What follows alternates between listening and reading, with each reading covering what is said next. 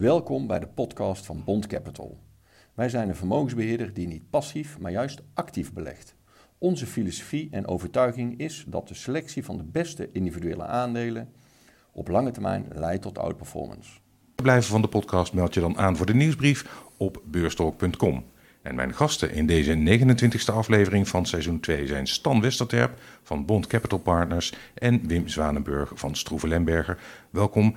Ja, we trappen altijd af uh, met het sentiment op het damrak. En op dit moment staat de AEX zo'n 3% lager dan een week geleden. Ja, die daling mag Vladimir Poetin op zijn naam schrijven. Hij heeft het grootste militaire conflict in Europa sinds de Tweede Wereldoorlog veroorzaakt. Stan. Gek genoeg zien we de beurs vandaag alweer tot rust komen. Nemen beleggers het wel serieus genoeg? Uh, ja, dat denk ik wel. Um, kijk, um, wat het gekke is ook nu weer dat op het moment dat letterlijk het bloed door de straat loopt, en dat is een hele vervelende vergelijking, dan, dan, dan moet je kopen bijna.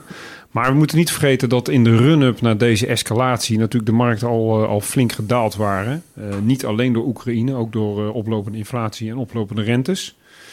Um, maar dat je wel ziet dat uh, eigenlijk als het moment daar is en er is zekerheid voor de financiële markten wat er uh, daadwerkelijk gaat gebeuren en geen angst of paniek meer. Ja, dan zijn beleggers bereid om te kopen. En, en sterker nog ook ja, buy-on-dips mentaliteit. We merken het ook bij klanten alweer. Die zei, is het alweer een goed moment om bij te gaan kopen of bij te storten? En dan zie je dus dat zo'n markt ook weer vrij snel kan draaien en, en, en vrij rap omhoog kan gaan. Zeker in, op Wall Street zag je dat natuurlijk gebeuren. Opende min 3% en, of de Nasdaq en het eindigde ja. plus 3%. Dat is een reversal die eigenlijk uh, zelden voort is gekomen van die omvang van echt 6%. Twee keer eerder, wel eentje rond het jaar uh, 2000 uh, ook. Maar als je kijkt naar de AIX, de volatiliteit de afgelopen week, de afgelopen 10 dagen, ligt ongeveer op hetzelfde pijl als 30 dagen. Dus het was in aanloop eigenlijk naar, dit, naar deze escalatie al onrustig. En zoals Stan zei, de koers lagen onder druk. Natuurlijk vanwege andere factoren. De oplopende inflatie, zorgen over de economische stagnatie. Terwijl eigenlijk de cijfers, bedrijfsresultaten, heel goed uh, binnenkwamen. En als je daarom kijkt naar uh, waarderingen, koers-winstverhoudingen en zo. Ik vraag mijn collega's en, en, en cliënten en prospects wel eens van waar ze ongeveer denken dat die voor de AIX zit. Nou, die zit op dit moment onder de 14 als we kijken naar uh, dit, uh, dit jaar. Dus behalve dat er even een paniek- en schrikreactie is, is er ook wel een uh, op waarderingstechnisch gunstig instapmoment. Nou, het is inmiddels wel ingeprijsd hè, dat die inflatiecijfers hoog zijn en dat de centrale banken dit jaar gaan verkrappen. Uh, maar de beurs kan zeker nog omhoog worden gestuurd met, uh, met goede bedrijfsresultaten. En die komen eigenlijk beter in dan verwacht. En de winstgroei houdt aan voor dit jaar. Natuurlijk is er onzekerheid, hogere energieprijzen. De, het is een, soort aanbodschok. Maar je ziet dat vooral de ondernemingen die pricing power hebben, die dus eventueel hogere grondstoffenkosten weten door te vertalen, die doen het relatief goed. En ook de informatietechnologie, die weegt steeds zwaarder op de economie. Dus de gevoeligheid voor energie, voor dat soort kostenfactoren, die is ook gewoon minder geworden. Maar Stan, uh, op dit moment, hè, die inval die is uh, nog maar net begonnen. Er wordt op dit moment gewoon gevochten, gebombardeerd in, ja. in Oekraïne. Er is, bedoel, die onzekerheid die zit er nog wel in. We weten niet hoe dat afgelopen nou, niet in de onzekerheid van de troepenopbouw wat, wat hij daarmee van plan was. Uh, dat is wel duidelijk. dat is gewoon Oekraïne compleet overrompelen en, en innemen. De vraag is natuurlijk wat, wat hierna het plan gaat worden. maar eigenlijk macro-economisch op globaal niveau is veel belangrijker. Hoe reageren grondstofprijzen? Wat betekent dit voor inflatie? Wat betekent dat weer van het beleid van de centrale banken? He, want Oekraïne en Rusland uh, zijn wel, uh, of met name Rusland is natuurlijk wel militair een grootmacht. Uh, en ge geopolitiek ook belangrijk. Maar economisch, ja, Uh, ze hebben met name olie en gas, maar uh, ik heb nog nooit een Russische auto in, in Nederland zien rijden. Of, uh, nou, dat is of, lang geleden. de, de Lada. ja. Ik had een verder oom die in een Lada ja. Nee, maar, maar, om maar aan te geven dat ze op economisch vlak natuurlijk, zeker technologisch, niet, niet echt meedoen. Um, dus die onzekerheid, uh, ja, die, die is er zeker. Maar we moeten ook ons niet vergissen in de kracht van Rusland op, op, het, op de mondiale economie. Die is, die is eigenlijk zeer beperkt. En wat dat betreft ben ik het wel met Wim eens. We hebben in aanloop hier naartoe al flink wat veren gelaten. Als je dan waarderingstechnisch gaat kijken en hoe het eigenlijk uh, met de economische groei gaat Ja, er zijn onzekerheden, maar eh, dan begint het wel interessant te worden weer op sommige Ja, sectoren. Als je kijkt naar de Russische economie, die is eh, qua, qua grootte eh, zo ongeveer net even iets groter als Nederlandse en Belgische economie bij elkaar. Dus op wereldtoneel is dit een, een dwerg. Het is natuurlijk wel opmerkelijk dat gisteren het sentiment in de VS zo plotseling draaide. Eh, en daar trekken de Europese beurzen zich dan ook wel weer eh, aan op. Eh, voor de VS is dit natuurlijk toch een regionaal conflict. En voor veel Amerikanen een ver van mijn bedshow. En niet het eerste militaire conflict waar de VS in betrokken is. Hè? Maar wij zijn natuurlijk enorm onder de indruk omdat het op Europees grondgebied is. En het, nou ja, we zitten natuurlijk veel dichter bij de, bij de Oekraïne. En, en het feit dat dit echt letterlijk aan de grens ook van de Europese Unie is. Maar voor de VS eh, speelt dat sentiment even wat, eh, wat minder. Maar eh, Stan, we weten ook dat we ontzettend afhankelijk zijn van Rusland. Ook al is het een kleine economie, op grondstofgebied is het heel belangrijk. ja, ja, absoluut. Eh, ja. Olie, 15% van de wereldproductie van olie komt uit dat land. Ja. Dat is dan waarschijnlijk dus ook een heel groot eh, onderdeel van hun economie. Ja. Maar voor gas, Gas. Zijn, we, zijn we verslaafd geraakt aan eh, Russisch Ja. aardgas. Ja, ja. Dat gaan we wel voelen.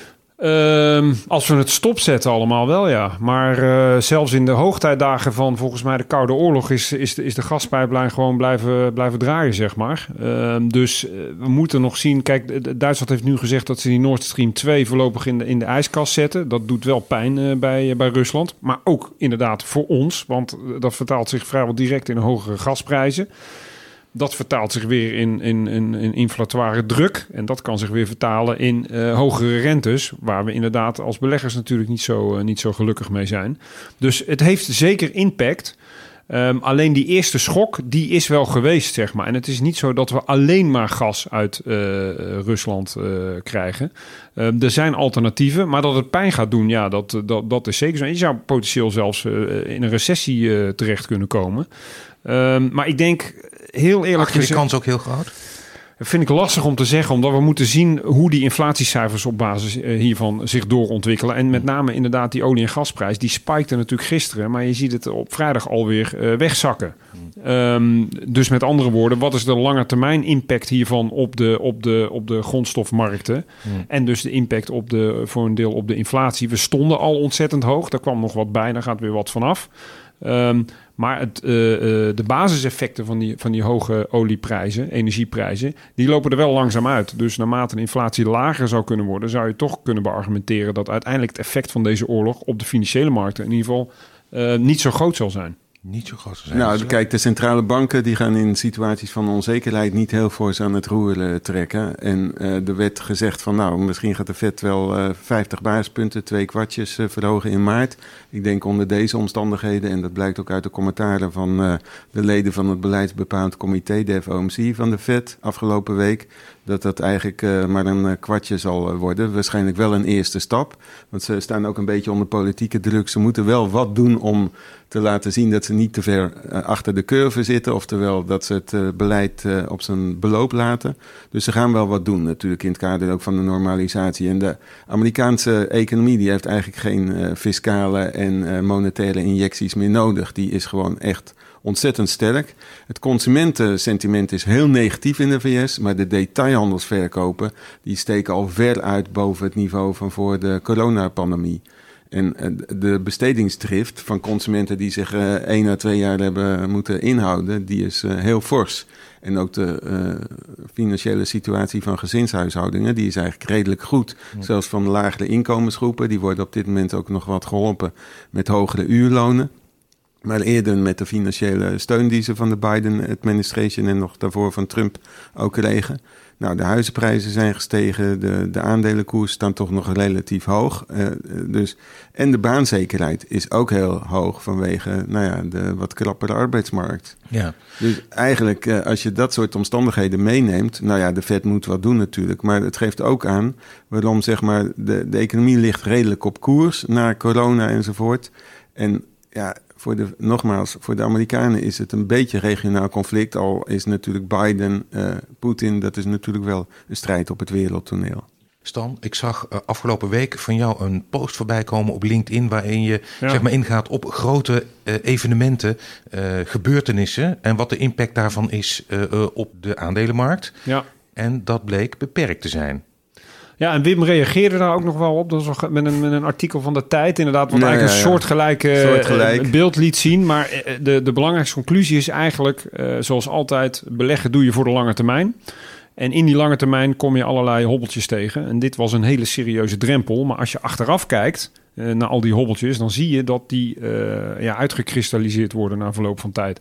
Sterker nog, eh, de conclusie was geloof ik dat het gemiddeld 47 dagen duurt vanaf een geopolitiek evenement voordat de markt zeg maar weer hersteld is. Nou, dat is in een lange termijn plan met beleggen natuurlijk peanuts. Ja. Dus dat je moet oppassen, eigenlijk belangrijkste conclusie, dat je niet in dat moment van paniek en angst meegaat. En da, da, da- het is sentiment. Het gaat om geld, dus mensen zijn geneigd eh, of bijna gedwongen eh, door de emotie om te gaan reageren. En dat is eigenlijk iets wat je moet proberen te vermijden. Als je portefeuille goed was gisteren, eh, dan is die vandaag ook goed. Los van of Rusland Oekraïne binnenvalt of niet. Je kan wat bijschaven na verloop van tijd, maar eh, blijf vooral rustig. Als je geschoren wordt, moet je even stil blijven zitten. komt het eigenlijk op neer. Een Ja. van die tegeltjeswijsheden, Ja. maar het, het, het klopt zeker wel, wel, wel aardig.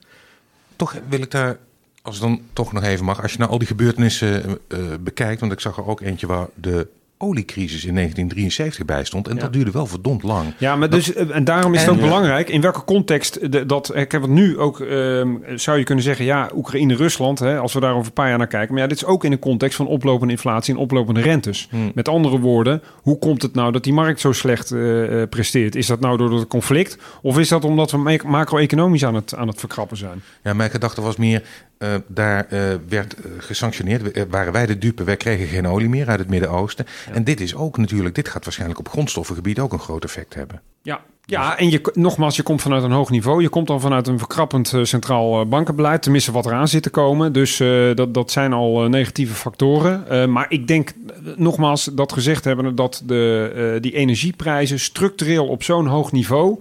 Dus eh, iedereen voorspelt altijd op het moment dat het hoog staat... dat het nog hoger gaat. En op het moment dat het laag staat, dat het nog lager gaat. Maar in, in, in de praktijk blijkt daar bar weinig van terecht te komen. Want vraag en aanbod eh, doen gewoon hun werk op de mondiale Ik, economie. ik zei al even, Rob, eh, we zijn natuurlijk allemaal energiegebruikers. En voor gezinshuishoudingen in Nederland ook, hè, met die hogere gasprijzen, vooral de, de inkomens, eh, de, de, de gezinnen met lagere inkomens, daar doet het eh, zeker pijn. Maar de energieintensiteit hè, en de goederenintensiteit van de totale economie, die is afgenomen. De dienstensector, de digitalisering enzovoort, dat, dat is eigenlijk allemaal veel belangrijker. En, en nogmaals, hè, we hebben afgelopen jaar natuurlijk wel eh, die disruptie gehad. eh, de supply chain, de distributieketens die verstoord waren van, van goederen. Die hebben natuurlijk een impuls gegeven aan die hogere eh, inflatiecijfers. Maar neem zoiets als de wereldhandel. Er kwam net afgelopen eh, week, deze middag, vrijdagmiddag, ook een eh, bericht over door. Dat die in december toch ook weer met 1,1% is gestegen ten opzichte van november. En ook behoorlijk eh, veel hoger, meer dan 10% ten opzichte van het jaar daarvoor. Dus ondanks trubbelingen, zoals bijvoorbeeld het dichtslippen van het Suezkanaal, ook even met dat schip toen. Eh, de wereldhandel groeit en ondanks die eh, logistieke problemen. Dus, eh, en het is meer dan alleen maar een inhaaleffect hè, na het tegenvallende coronajaar 2020. Eh, want zelfs de Europese Unie heeft nu een economie, een bruto binnenlands product, wat hoger ligt dan voor de coronapandemie. Ja. En de VS had dat punt al veel eerder bereikt. Geen problemen dus op de lange, middellange termijn, lange termijn waarschijnlijk. Eh, Nou ja, oplopende rentes, eh, dat is een risico. En, en verkrappend eh, centrale bankbeleid. Het ligt eraan tot hoe ver dat, dat doorgaat. Maar er is een zeker vertrouwen. Dat zie je ook op de financiële markten eh, terug. Als je kijkt naar bijvoorbeeld de obligatiemarkten, dan zie je met name dat de korte kant van de rentecurve, zeg maar tot twee à drie jaar, dat die behoorlijk omhoog is getild. De hele curve is wel iets eh, gestegen, maar het verschil tussen 2, 10 en 15, 30 jaar is Ja. veel minder geworden. Dat noemen ze in technische termen vervlakking van de yieldcurve, vervlakking van de rentecurve. En daarin is weerspiegelt eigenlijk dat de inflatieverwachting voor de langere termijn niet oploopt. Dat zie je ook terug in bijvoorbeeld die enquête van University of Michigan en recent ook nog in consumentenonderzoeken in de VS, waaruit bleek dat men verwacht toch dat, eh, eh, ja, we mogen het toch zo noemen, inflatiecijfers van dit hoge pijl, 7%, het laatste cijfer in de VS, dat dat een tijdelijke zaak is. En eigenlijk En- een echo van de coronacrisis. Omdat de lange termijn trends die überhaupt voor lang, lage inflatie hebben gezorgd, die zijn nog steeds intact. Ja, arbeidsmarkt is misschien... Ja, arbeidsmarkt is een ding, kwestie. maar in principe digitalisering, Ja. globalisering nog steeds, Ja. eh, vergrijzing. Maar ook als je bijvoorbeeld nu kijkt naar hoe Rusland nu wordt aangepakt. Stel je voor, dat was 70 jaar geleden of 60 jaar geleden het probleem gehad. Het gaat nu niet meer over ook tanks erheen of, of, of weet ik wat met raketten gaan gooien. Nee, je wordt gewoon financieel gewoon snoeihard afge- afgesloten. Dat het is natuurlijk de vraag hoe de vluchtelingenstroom, als die op gang komt, Ja. eh, hoe die in West-Europa ontvangen zal worden. Maar in Duitsland zal dat bijvoorbeeld echt verlichting op de arbeidsmarkt eh, betekenen. Zou je kunnen zeggen, Stan, dat eh, de centrale banken hier een bepalende rol gaan spelen over hoe wij hier door de crisis gaan komen? Door hun rentebeleid. En zoals ze ook bijvoorbeeld ook in de coronacrisis voor verzachting hebben gezorgd. Ook deze Oekraïne-oorlog Nee, wellicht. ik denk niet dat ze voor de zoveelste keer meteen weer klaarstaan om honderden miljarden in die markt te pompen. Ehm, maar ze zullen wel het nauwlettend in de gaten houden wat dit betekent voor de macro-economische ontwikkelingen. En, en zeker de Fed staat ook voor, voor economische eh, stabiliteit en groei. Dus als het impact heeft, dan zullen ze zeker eh, wa- wat, wat minder hard, eh, minder snel op de minder rem snel gaan verklappen. trappen. Ja. Ja, en als je historisch kijkt erop, eh, het is heel vaak de centrale bank die een recessie eh, veroorzaakt, omdat die te hard op de rem trapt. Ja. Eh, of te langdurig. En ja, eh, gegeven deze onzekere omstandigheden, denk ik ook dat eh, eh, centrale banken om, om- ja, omzichtig zullen reageren. En Stan zei net, als je portefeuille gisteren goed was, dan is die vandaag ook goed en eh, misschien later bij schaven. Sta jij er ook zo in? Nou ja, ik, ik kijk altijd heel sterk bij onze aandelenselectie van hebben we companies die een markt te domineren, die pricing power hebben, die hogere grondstoffen eh, kunnen doorberekenen, die eh, innovatief zijn, die geen eh, hoog risico hebben van wat ze noemen disruptie, desintermediatie, nou, een- goede totale concurrentieanalyse en natuurlijk ook wel de financiële positie.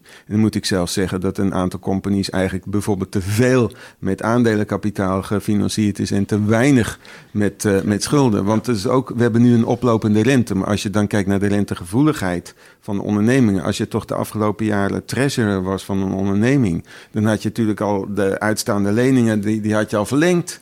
Dan had je gebruik gemaakt van eh, de, de lage rentecondities.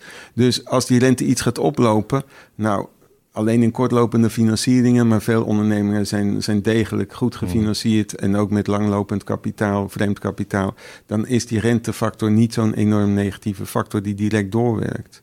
Dus het bericht van afgelopen week dat de wereldwijde schuldenberg verder is gestegen, is ook niet iets om eh, meteen eh, van in Ah, paniek nee, ja, maar je moet dat altijd in perspectief plaatsen. En dan komen er gigantische bedragen bij. Maar daar staat Ja. ook tegenover, oké, hoeveel produceren we met z'n allen? Eh, wat is de rentelast daar inderdaad op? Wat is de, de, de groei die we daar tegenover zetten? Dus je moet het altijd in... en Wat is de waardering die er tegenover staat? Dus, je ja. ziet wel effecten. Ik zag bijvoorbeeld afgelopen weken dat het aantal refinancing, herfinanciering van de Amerikaanse hypotheken, dat is behoorlijk gedaald. Want die tarieven op die hypotheekmarkt in Amerika die zijn nog fors gestegen. Maar ja, als je nu nog moet herfinancieren, dan heb je afgelopen jaren eigenlijk wel zitten slapen. Als je dat nu nog moet doen. En dat artikel, dat was van het in, eh, in het Financieel Dagblad gerefereerd aan het International Institute of Finance. Die hebben ook een vaste publicatie, die heet Global Debt Monitor. Ja, die rapporteren, maar dat is ook uit hoofde van hun functie. Zij moeten dat in de gaten houden. En ja, dan zag je dat emerging markets, die komen komend jaar wel behoorlijk voor een forse herfinancieringslast te staan. Uh, ik heb die getallen even in wat perspectief uh, proberen te plaatsen. En dat vond ik dan per saldo toch nog wel meevallen. En bovendien, emerging market, het zijn opkomende landen, groeilanden. Ja, die maken, die, die maken juist schulden ook om te kunnen groeien. Hmm. En hun demografie is vaak ook nog relatief gunstig. Dus die kunnen het ook nog uh, wel die aflossingslast op de wat langere termijn wel dragen. Het is wel een punt natuurlijk dat door de coronapandemie de westerse economieën ook zich wel fors in de schulden hebben gestoken, de westerse overheden. Maar uh, ja, uh, Nederland kreeg tot voor kort uh, geld toe op nieuwe staatsleningen. Ja, ja, dus... maar ook deels gefinancierd door de centrale banken. Ja, ja, ja, ja, ja. Je ziet wel, dat vond ik ook wel opmerkelijk afgelopen weken nog eens die cijfers in perspectief uh, geplaatst. Uh, de centrale banken die hebben door de opkoopprogramma's wel dat gat gevuld. Want eigenlijk vanwege de lage rente pensioenfondsen en verzekeraars en zeker ook uh, uh, particuliere beleggers, uh, stichtingen enzovoort, die zijn afgelopen jaren wel meer naar aandelen opgeschoven en minder naar vastrentende beleggingen. Natuurlijk vanwege de lage return en vanwege de kans die ze lopen van hè, dat de rente gaat stijgen, dat die obligaties minder waard worden. Dus centrale banken hebben zeker een, een, gat gevuld. En uh, ja, dat is wel een beetje een risicofactor. Daarom zie je de Amerikaanse rente, die is, nou ja, ook deze week. Je zag even vlucht naar veilige havens. Ja, maar meteen Dan weer, ja. Maar eigenlijk, hè, de rente, de Amerikaanse lange rente, tienjarig, die zat zo rond de 2%. Die is daar niet ver onder gedoken en die is zelfs weer wat gaan stijgen. Voor we verder gaan, even een oproep. Eens in de twee weken spreek ik met Salah Eddin Boumidi van online broker IG, partner van Beurstalk. Salah zal ingaan op vragen van luisteraars, dus als u een vraag heeft over uw portefeuille, een aandeel, derivaten of een andere vraag, mail het naar rob.beurstalk.com. Dan bespreek ik dat met Salah in de rubriek van volgende week. Volkswagen wil Porsche naar de Ja. beurs brengen. Stap jij in, en dan bedoel ik niet de auto, maar in het aandeel. Stan. Ehm, nou, wij zijn er wel naar aan het kijken. We hebben er vroeger in gezeten. Ehm, en eh, kijk, eh, eh, als je kijkt naar natuurlijk Volkswagen en bijvoorbeeld een Tesla... en je ziet het enorme gat in waardering... eh, dan kan ik dat deels wel verklaren... doordat Tesla veel meer technologie gedreven bedrijf is... en een heel andere wereld voor ogen heeft... Eh, de waardering van Volkswagen is in die zin ook interessant, maar dat geldt voor veel de- autobouwers, zeker Duitse autobouwers. Hè. Je hebt het over zes, zeven keer de winst, eh, goed dividendrendement eruit. Maar ja, het zijn wel e- enorme eh, industriële conglomeraten, heel En kapitaalsintensief. ingewikkeld. Dat, misschien En dat ingewikkeld. even uitleggen. En die eh, overgang van internal combustion naar, naar electrical vehicles, dat is gewoon lastig. Wat ik wel vind, is als je inderdaad... Porsche is, een, is een, natuurlijk een luxe merk. Als je kijkt naar wat bijvoorbeeld een Ferrari op de beurs doet... dan zit daar onderwaardering in. Dus die kunnen ze er een deel uithalen door het naar de beurs te brengen. Maar dat wil niet meteen zeggen dat eh, het hele concern daarmee ook eh, meer waard moet zijn dan dat er nu staat. Misschien aanvullend toch nog even uit te leggen, want Porsche is al beursgenoteerd, maar dat is Porsche SE. En Mm, wat nu naar de beurs zou gaan, is Porsche AG. En dat is onderdeel van de Volkswagen groep. En Porsche SE is een houdstermaatschappij die juist meerderheidsaandeelhouder van Volkswagen is. En nou goed, als die IPO, die beursintroductie komt, dan wordt er dus Porsche AE. Dus krijg je twee aandelen Porsche op de beurs. Dat is ook nog ingewikkeld. Eigenlijk vier. Want je hebt in Duitsland ook nog eh, op de beurs. En er wordt eigenlijk meer in preferente aandelen Ja. Volkswagen en in preferente aandelen Porsche SE gehandeld dan in het gewone aandeel. Wat wat minder liquide is enzovoort. Ehm, maar goed, eh, Porsche gaat dan naar de beurs Porsche AG. En dat is voor Volkswagen interessant. Ze kunnen daar mogelijk, er ligt een waardering die varieert van 60 miljard tot zelfs 100 miljard heb ik eh, gezien. En eh, ja, eh, Volkswagen, de groep, die heeft inderdaad de komende jaren een forse investeringslast eh, vanwege de overgang naar de, de elektrificatie. En dan is de vraag, kunnen ze dit eh, ja, premium merk nog eens een keer goed eh, verzilveren? Ze zullen ook niet alle aandelen naar de beurs Nee, brengen. 25% werd er gezegd. Ja, ja, ja, ja. Maar eh, eh, ze hebben afgelopen week meerdere statements af- afgegeven. Dus het is nog steeds een actueel onderwerp. Het is ook verwarrend. Dat wil ik ook nog even toelichten. Er zijn ook beleggers die beleggen in Porsche SE. Omdat dat dan eigenlijk een discount zou hebben intrinsiek ten opzichte van de Volkswagen-aandelen. en dat is er nooit helemaal uitgekomen. Het is er echt ingewikkeld. Als, als beleggers zich daarop op op gaan toeleggen, moeten ze even goed zich vergewissen van de details, zou ik Ja. zeggen. En jullie lopen er allebei niet bijzonder heel erg warm voor. Ehm, als ik kijk naar de auto's, moet ik zeggen dat ik eerlijk gezegd eh, wat meer eh, eh, enthousiast ben over het voormalige Daimler, wat nu de afgelopen weken net een, een naamsverandering heeft ondergaan. Mercedes-Benz Group en heeft ook de vrachtwagendivisie afgestoten.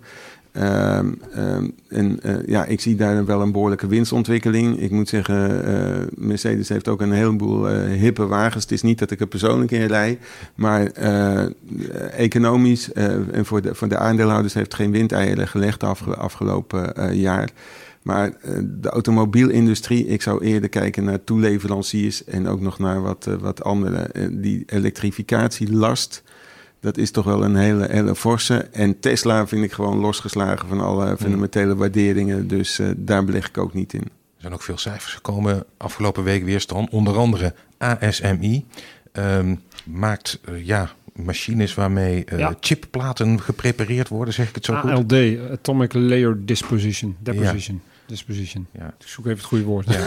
En, en het orderboek peilt uit. Ja, Nou ja, wat je hier ziet, eh, eigenlijk wat we natuurlijk al, al, langer zien in de hele chipsector, is dat het gewoon ontzettend goed gaat. Eh, dat er de vraag vele malen groter is dan het aanbod. Eh, dat, je, dat we achterlopen in de productie. Dus ja, ook crescendo cijfers inderdaad die, die daarbij horen. En eh, ASML, eh, of ASM, eh, ASMI is ook een zogenaamde front-end producer. Ehm, en heeft een hele goede technologie, die ALD-technologie, waar, waar- die, ja, die gretige aftrek vindt. En dat zie je zowel in de omzet als in het orderboek crescendo cijfers. En je ziet alleen wel de laatste tijd, maar is meer algemeen. Als een bedrijf met cijfers komt, ze zijn goed. Vooruitzichten vanwege de onzekerheden zeggen ze, zijn ze wat aan de voorzichtige kant. Hop, aandeel naar beneden toe. En dat is wel iets wat mij, eh, wat mij verbaast. Terwijl fundamenteel, wat Wim eerder al aangaf, zien de bedrijfscijfers er, wat we in 2021 hebben gezien, gewoon perfect uit. Ja. Ik, ja, het En, is, en dus een interessant aandeel? Of zeg je van nou, het is nu Ja, wel- de waardering begint hier ook wel heel erg challenging te worden. Want nog een aantal jaar geleden stonden ze op drie tientjes. En we zitten inmiddels dik boven de, wat is het, 300? eh, A- ASMI is eh, zo te- rond de 72. eh, ja, nou, nee. ja, precies. Maar- Ehm, maar ja, ja, het punt is, eh, Rob, dat dit een, sector is die natuurlijk favoriet is bij beleggers en vanwege de chiptekorten, goede fundamentals, goede orderboeken enzovoort. Maar er zijn ook meerdere producenten. En eh, eerlijk gezegd, dan komt ASMI eh, niet direct in mijn favoriete lijstje eh, voor. Dan zou ik privé bijvoorbeeld ook eens een keer kijken naar Corvo, eh, QRVO. eh, eh, op de Amerikaanse beurs. Maar natuurlijk eh, ASML, die helemaal aan het begin zit. En ja, Ja, het zeker. grote probleem van ASML is niet het orderboek, maar of ze wel kunnen leveren. En eventueel de, de zeer krappe arbeidsmarkt eh, voor, voor ASML. Ze moeten natuurlijk internationaal heel veel mensen aantrekken om, om eh, ja, te kunnen leveren, de techniek te kunnen leveren en verder te kunnen ontwikkelen. Maar eh, die sector die is, eh, die ligt er eh, heel vast bij. Waar we het hier ook niet vaak over hebben, maar wel een grote jongen is eh, in de AX, is Wolters Kluwer. Beetje Ja. een anoniem saai bedrijf, maar cijfers gekomen, eh, Stan. Naar Ja, mijn oordeel eh, prima. Data company, hè? legal, compliance, eh, dat soort zaken. Medical eh, zijn echt een grote toeleverancier voor, eh, ja, Voor de voor professionals. vakkennis, voor de professionals inderdaad. Mooi bedrijf. Eh oersaai, vandaar dat we het er ook niet vaak over hebben. Die cijfers groeien altijd crescendo tussen de 3 en de 5 procent per jaar. Ze zaten deze keer aan de bovenkant. Eh, maar ook een verrassing is dat ze wat meer, eh, volgens mij, kapitaal naar de, naar de aandeelhouders wilden terug laten vloeien. En inderdaad, ja, en, en, kijk, als je eh, rustig wil slapen s'nachts, dan eh, is eh, Wolters Kluwer een, een prima aandeel om in portefeuille te hebben op het moment dat Poetin besluit de Oekraïne zeg maar binnen te vallen. Want die hebben daar niet zoveel mee te maken. En, en de beta, zoals we dat zo mooi noemen, ligt ook dik onder de 1. Met andere woorden, de uitslagen zijn ook niet zo groot van, van dit aandeel. Onderliggend groeit het, groeit het aardig door. En de recurring revenue is heel erg groot. Die is heel groot. Ze Ja. hebben nummer één positie bijvoorbeeld op de Amerikaanse belastingmarkt met allerlei abonnementen en, en, en, en locked-in klanten. Eh, die abonnementen lopen wel, wel door. En tegenwoordig elektronische distributie. Dus dat is ook eigenlijk met marginale kostprijs van nul eigenlijk. Hè? En eh, in, in de distributiekosten. En eh, dat zie je ook terug in de cijfers. Er was een behoorlijke margeverbetering. Dus dat, ja, dit, dit is gewoon een, een rock solid aandeel. Maar inderdaad, een beetje saai en onterecht. Eh, eh, nou ja, goed. eh, of Ja. het terecht is, weet ik niet. Maar Nancy McKinstry, de topvrouw van eh Wolters Kluwer, is zelfs de best verdienende CEO hè, in Nederland. Ja, maar ze zeggen wel eens goed beleggen is ook een beetje saai. Dus misschien Ja. Nee, dit ja, soort- absoluut. Nee, sterker nog, dit is een pareltje misschien. Ik maak liever 10% met nul bewegelijkheid dan 10% en, en je, ziet min 50 en plus 50 ondertussen natuurlijk. Ja. Dus inderdaad, eh, en dat is ook wetenschappelijk on- onderbouwd. Hè. Low beta stocks over een langere termijn zijn eigenlijk betere beleggingen dan zogenaamde high beta stocks. Ja, Hmm. Afgelopen vijf jaar rendement van meer dan 20% gemiddeld per jaar. Dus, Hmm. eh, Prachtig. ja, met is- nauwelijks beweging. Wat wil je nog meer? ja. ja. Ja. Wel iets onder druk gekomen de laatste weken. Dus daar ook weer, voor lange termijn beleggers ook weer, nou ja, zou ik zeggen, eerder een instapmoment. AB InBev, nummer Ja. 1 bierbrouwer in de wereld, Stan. Ja. Ehm, ook met, ja, de verwachtingen waren geloof ik wat eh, matig voor de... Nou ja, maar dan ga je weer. Kijk, de cijfers over het vierde kwartaal waren, waren prima. Eh, zeker als je nog corona eh, meeneemt. Maar ja, de verwachtingen zijn toch... ook bier, zeker nu Rusland, Oekraïne binnenvalt. Hè, de, de graanschuur van de wereld, allebei de landen. Dus de tarweprijzen en zo schieten omhoog. Ja, dat zullen voor de bierbrouwers zal dat ook de nodige consequenties hebben. Tegelijkertijd heeft AB InBev een behoorlijke marge. eh, Beter dan andere brouwers. toeschouwers op, zijn, op zijn bier. Dus we hebben nog wat ruimte om met die prijs zeg maar, te spelen. Maar wat ik met name interessant vond, we gaan allemaal weer open in de wereld. We zijn waarschijnlijk allemaal bereid om weer biertjes te gaan drinken. Ook daar wat meer voor te betalen, omdat we überhaupt al naar buiten kunnen. Uh, maar ook die schuldpositie van uh, eh, AB InBev, dat was natuurlijk altijd het, het, het, het zwaard van Damocles. Toen zij Sap Miller in 2016 ja. overnamen, hebben ze ontzettend veel geld voor betaald. Bijna 100 miljard schuld op de balans. Ja. Een net debt EBITDA, zoals we dat noemen, van bijna 5. Dat is echt ontzettend hoog. Zelfs voor een, een hoge cashflow uh, sector als bier. En daarvan hebben ze nu aangegeven dat hij voor het eerst onder de vier is gekomen. En dat betekent dat uh, het profiel, uh, de balans... Kijk, Wim had het net over sommige bedrijven hebben te weinig schuld op de balans. Nou, ja. AB InBev heeft duidelijk te veel. Die had te veel. Precies, die had te veel. gefinancierd. Hè? Precies, hè, ook een nieuwe, nieuwe CEO gekomen. Ze hebben uh, inderdaad ook ehm, dat, dat leningenboek goed uitgesmeerd... om ook om die rentelast inderdaad goed, goed te kunnen dragen en naar beneden te krijgen.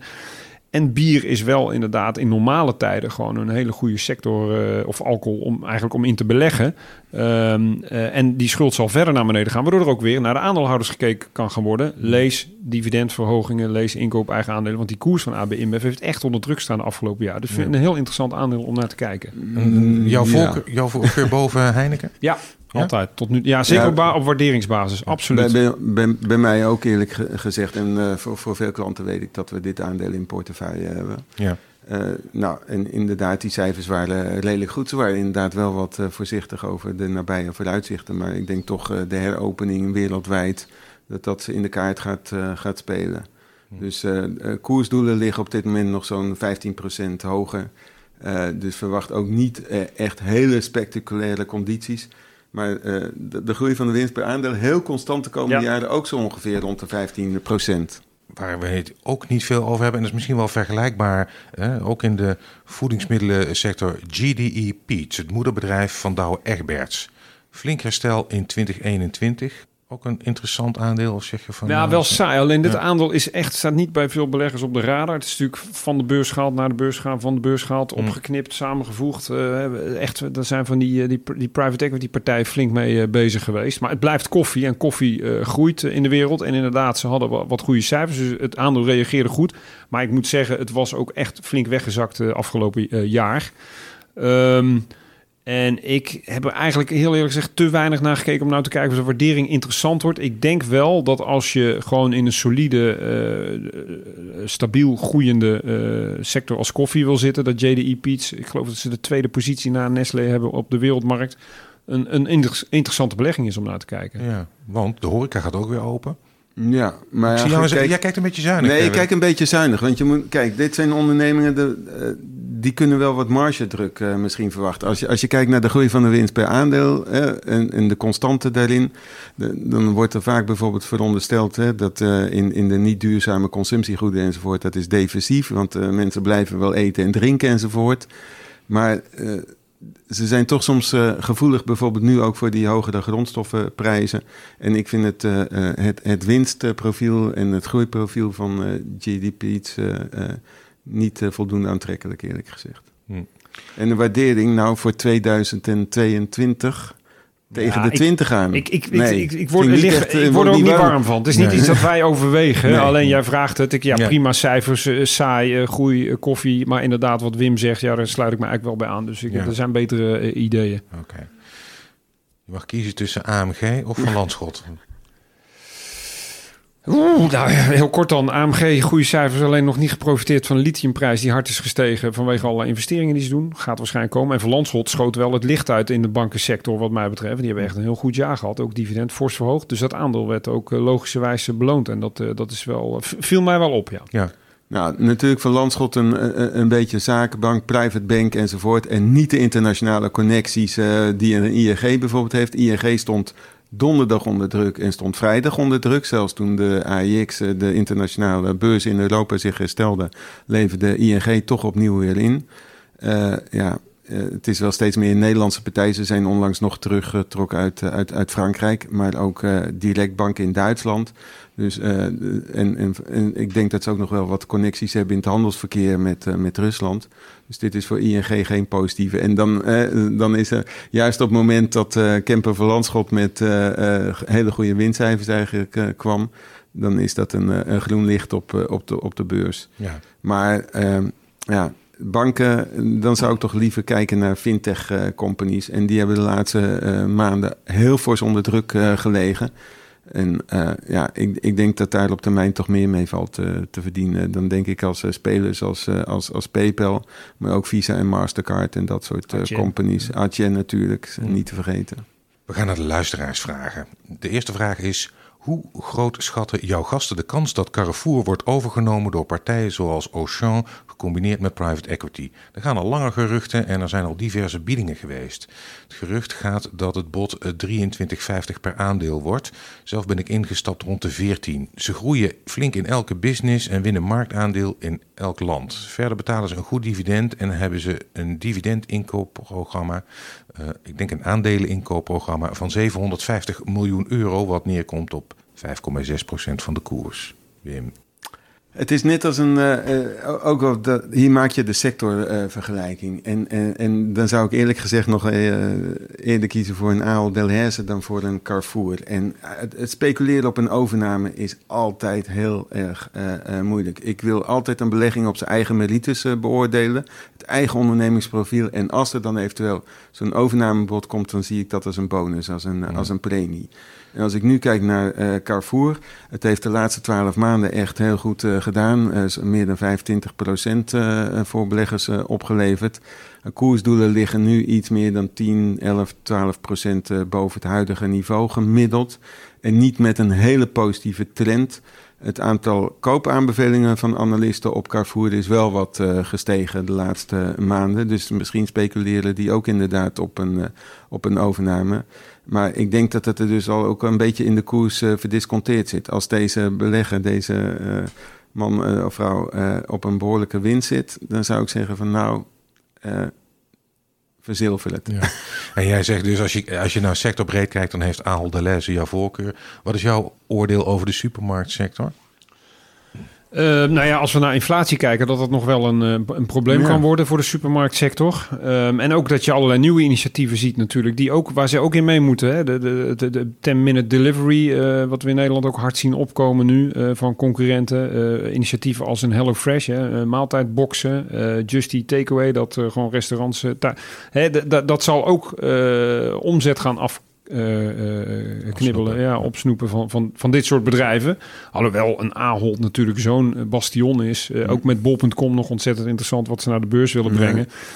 dus wel ook redelijk defensieve sector natuurlijk.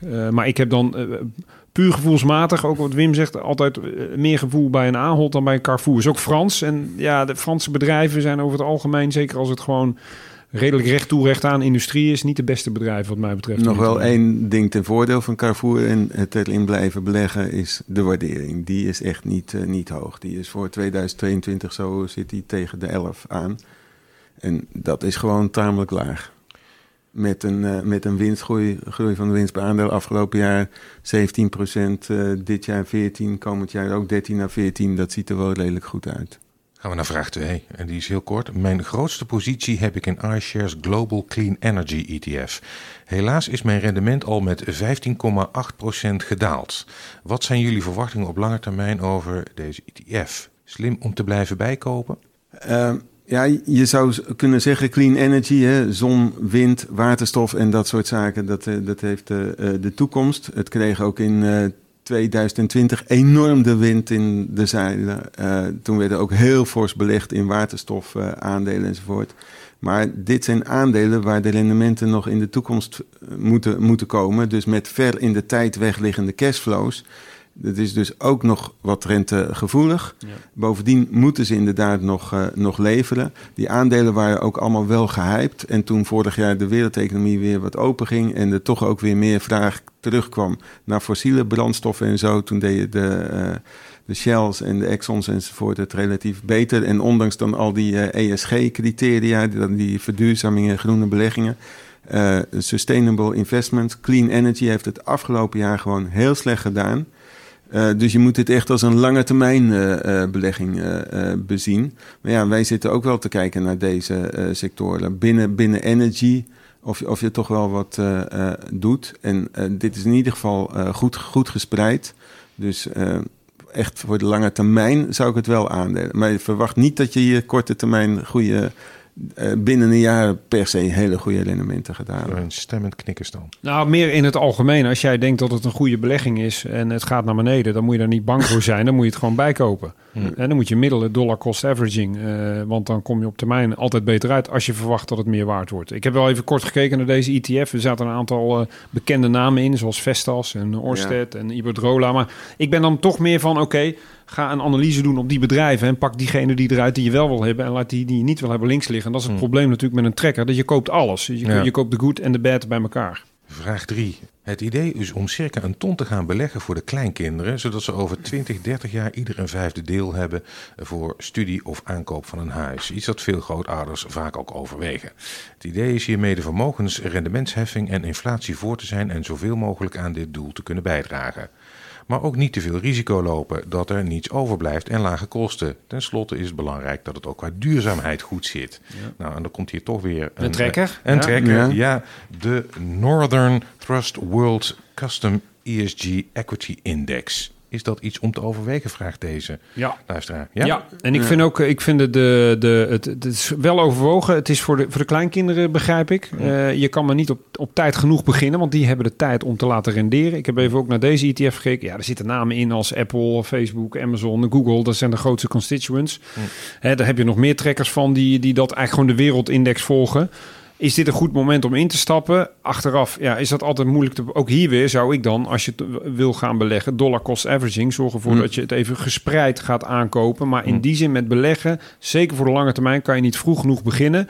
En risico waar die het over heeft, kijk, het echte risico op lange termijn is geen rendement maken. Want dan ga je namelijk niet die inflatie en die kosten en die uh, belastingdruk bijhouden. Dus begin uh, begint te kopen, maar doe het gespreid. En uh, ja, laat het ook zo lang mogelijk renderen. Nou, je noemde nog één aspect, uh, duurzaamheid. wat ik wel constateer is dat op gebied van ETF, Exchange Traded Funds, hè, dus die trackers, mhm. de duurzaamheidsaanbieders ook nogal een verschil in kostenniveaus hebben. En ik heb het even niet specifiek nagekeken of dat voor de Northern Trust geldt, maar ik zou als belegger daar toch zeker even naar kijken. Dat je, ja, uh, zeker. De kostenbelading van zo'n ETF, die moet eigenlijk niet te veel zijn. En als je er gewoon maandelijks uh, wat aan, aan, toevoegt, of dat uh, nou ja, tonnetje voor de kleinkinderen apart zet, is op zichzelf goed. dan moet je ook niet te veel naar koersen kijken, gewoon naar een heel gespreid fonds. En dan is dit qua categorie wel een, wel een goede trekker. Maar kijk nog even goed naar die kostenniveaus van, van die ETF. Vraag 4 gaat over SAP. Ik overweeg om een pakketje aandelen SAP te kopen. Net als de hele DAX zit SAP al een tijdje in een dalende trend. Ik worstel daardoor met het bepalen van een goed instapmoment. Weer timing, hè? Letten jullie daarbij op technische factoren zoals steun of een positieve MACD-signaal? Of letten jullie bijvoorbeeld op ratio's zoals price earnings? Stan? Allebei. En ja, we hebben ook SAP in de portefeuille. En ja, het is weggezakt. Maar ja, wij hebben vertrouwen in het lange termijn potentieel van het bedrijf. Ja. En, um, uh, ik geloof het grootste bedrijf in de DAX. Hè, ja, ja, ja, ja, ja, het, is, uh, het is ook het grootste technologiebedrijf in, in Europa in de software. Uh, ja, en, en een grote cloud-propositie ook. Maar mijn belangrijkste punt is, kijk, je moet eerst kijken, fundamenteel wil ik er ergens in beleggen. Hm. Want heb ik vertrouwen in de lange termijn hm. van deze onderneming.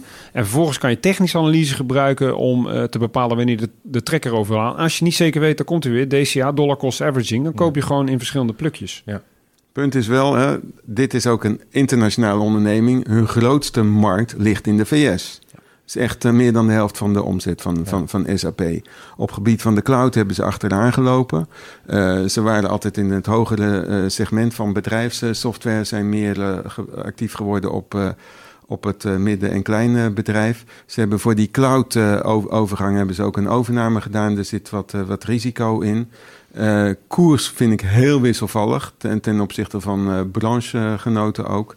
En ja, ik kijk internationale vergelijking. Dan kijk je naar companies met global exposure. En ik wilde niet per se in beleggen omdat het een Europees bedrijf is. Want het is alleen de herkomst, notering, uh, bedrijven of pensioenfondsen die daar dan een beleggingsrestricties uh, op, op, hebben om een Europese partij te moeten kiezen. Qua concurrentiekracht zie ik eigenlijk sterkere andere partijen. Oké, andere cloudbedrijven zoals? Uh, andere cloudbedrijven. En, maar de cloud is uh, absoluut uh, de sterke trend. Hè, wat zich mm. voordoet bij Amazon Web Services. Daar hebben we het over Amazon. Dat is natuurlijk weer een heel andere categorie. Mm. Maar bijvoorbeeld ook bij Alphabet. Maar bijvoorbeeld ook bij, bij Microsoft enzovoort. Mm. En ja, het zijn allemaal concurrenten van elkaar. Maar ook nog veel kleinere softwarebedrijven. Die meer in, in, in opkomst zijn. Ja, en ik denk dat SAP op dit moment daar relatief althans marktaandeel aan het in, in het uh, verliezen is. Dus het, mm, ze groeien minder hard dan de rest. Ja, ja. ja, maar ze groeien wel. En het is een, een oude naam die je daar bijvoorbeeld ook nog wel eens tegenkomt, is, is Oracle. Nou, uh, dat heeft de afgelopen tien jaar het relatief ook niet goed gedaan. Die hebben trouwens wel recent een hele interessante acquisitie gedaan. Die hebben een company Cerner op de korrel genomen. En dat is uh, software voor de verwerking van uh, kostendeclaraties in de gezondheidszorg. En daar kan de efficiency hmm. nog wel wat in verhoogd worden. Dus misschien dat Oracle wat heel sterk was voor, voorheen in, uh, in, de, in database land, uh, in de cloud altijd achterop heeft gelopen.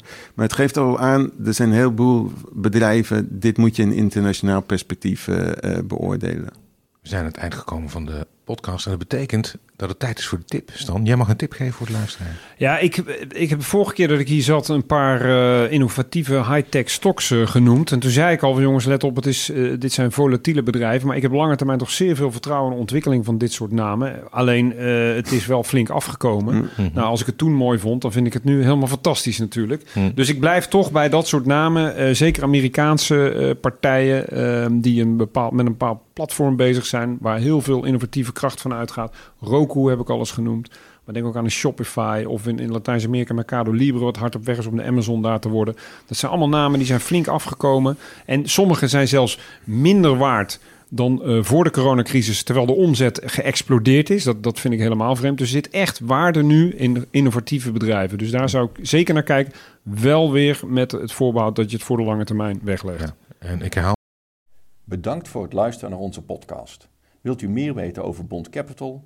Kijk dan op onze website www.bondcapital.nl. Indien u wilt worden gebeld, mail dan naar podcast.bondcapital.nl.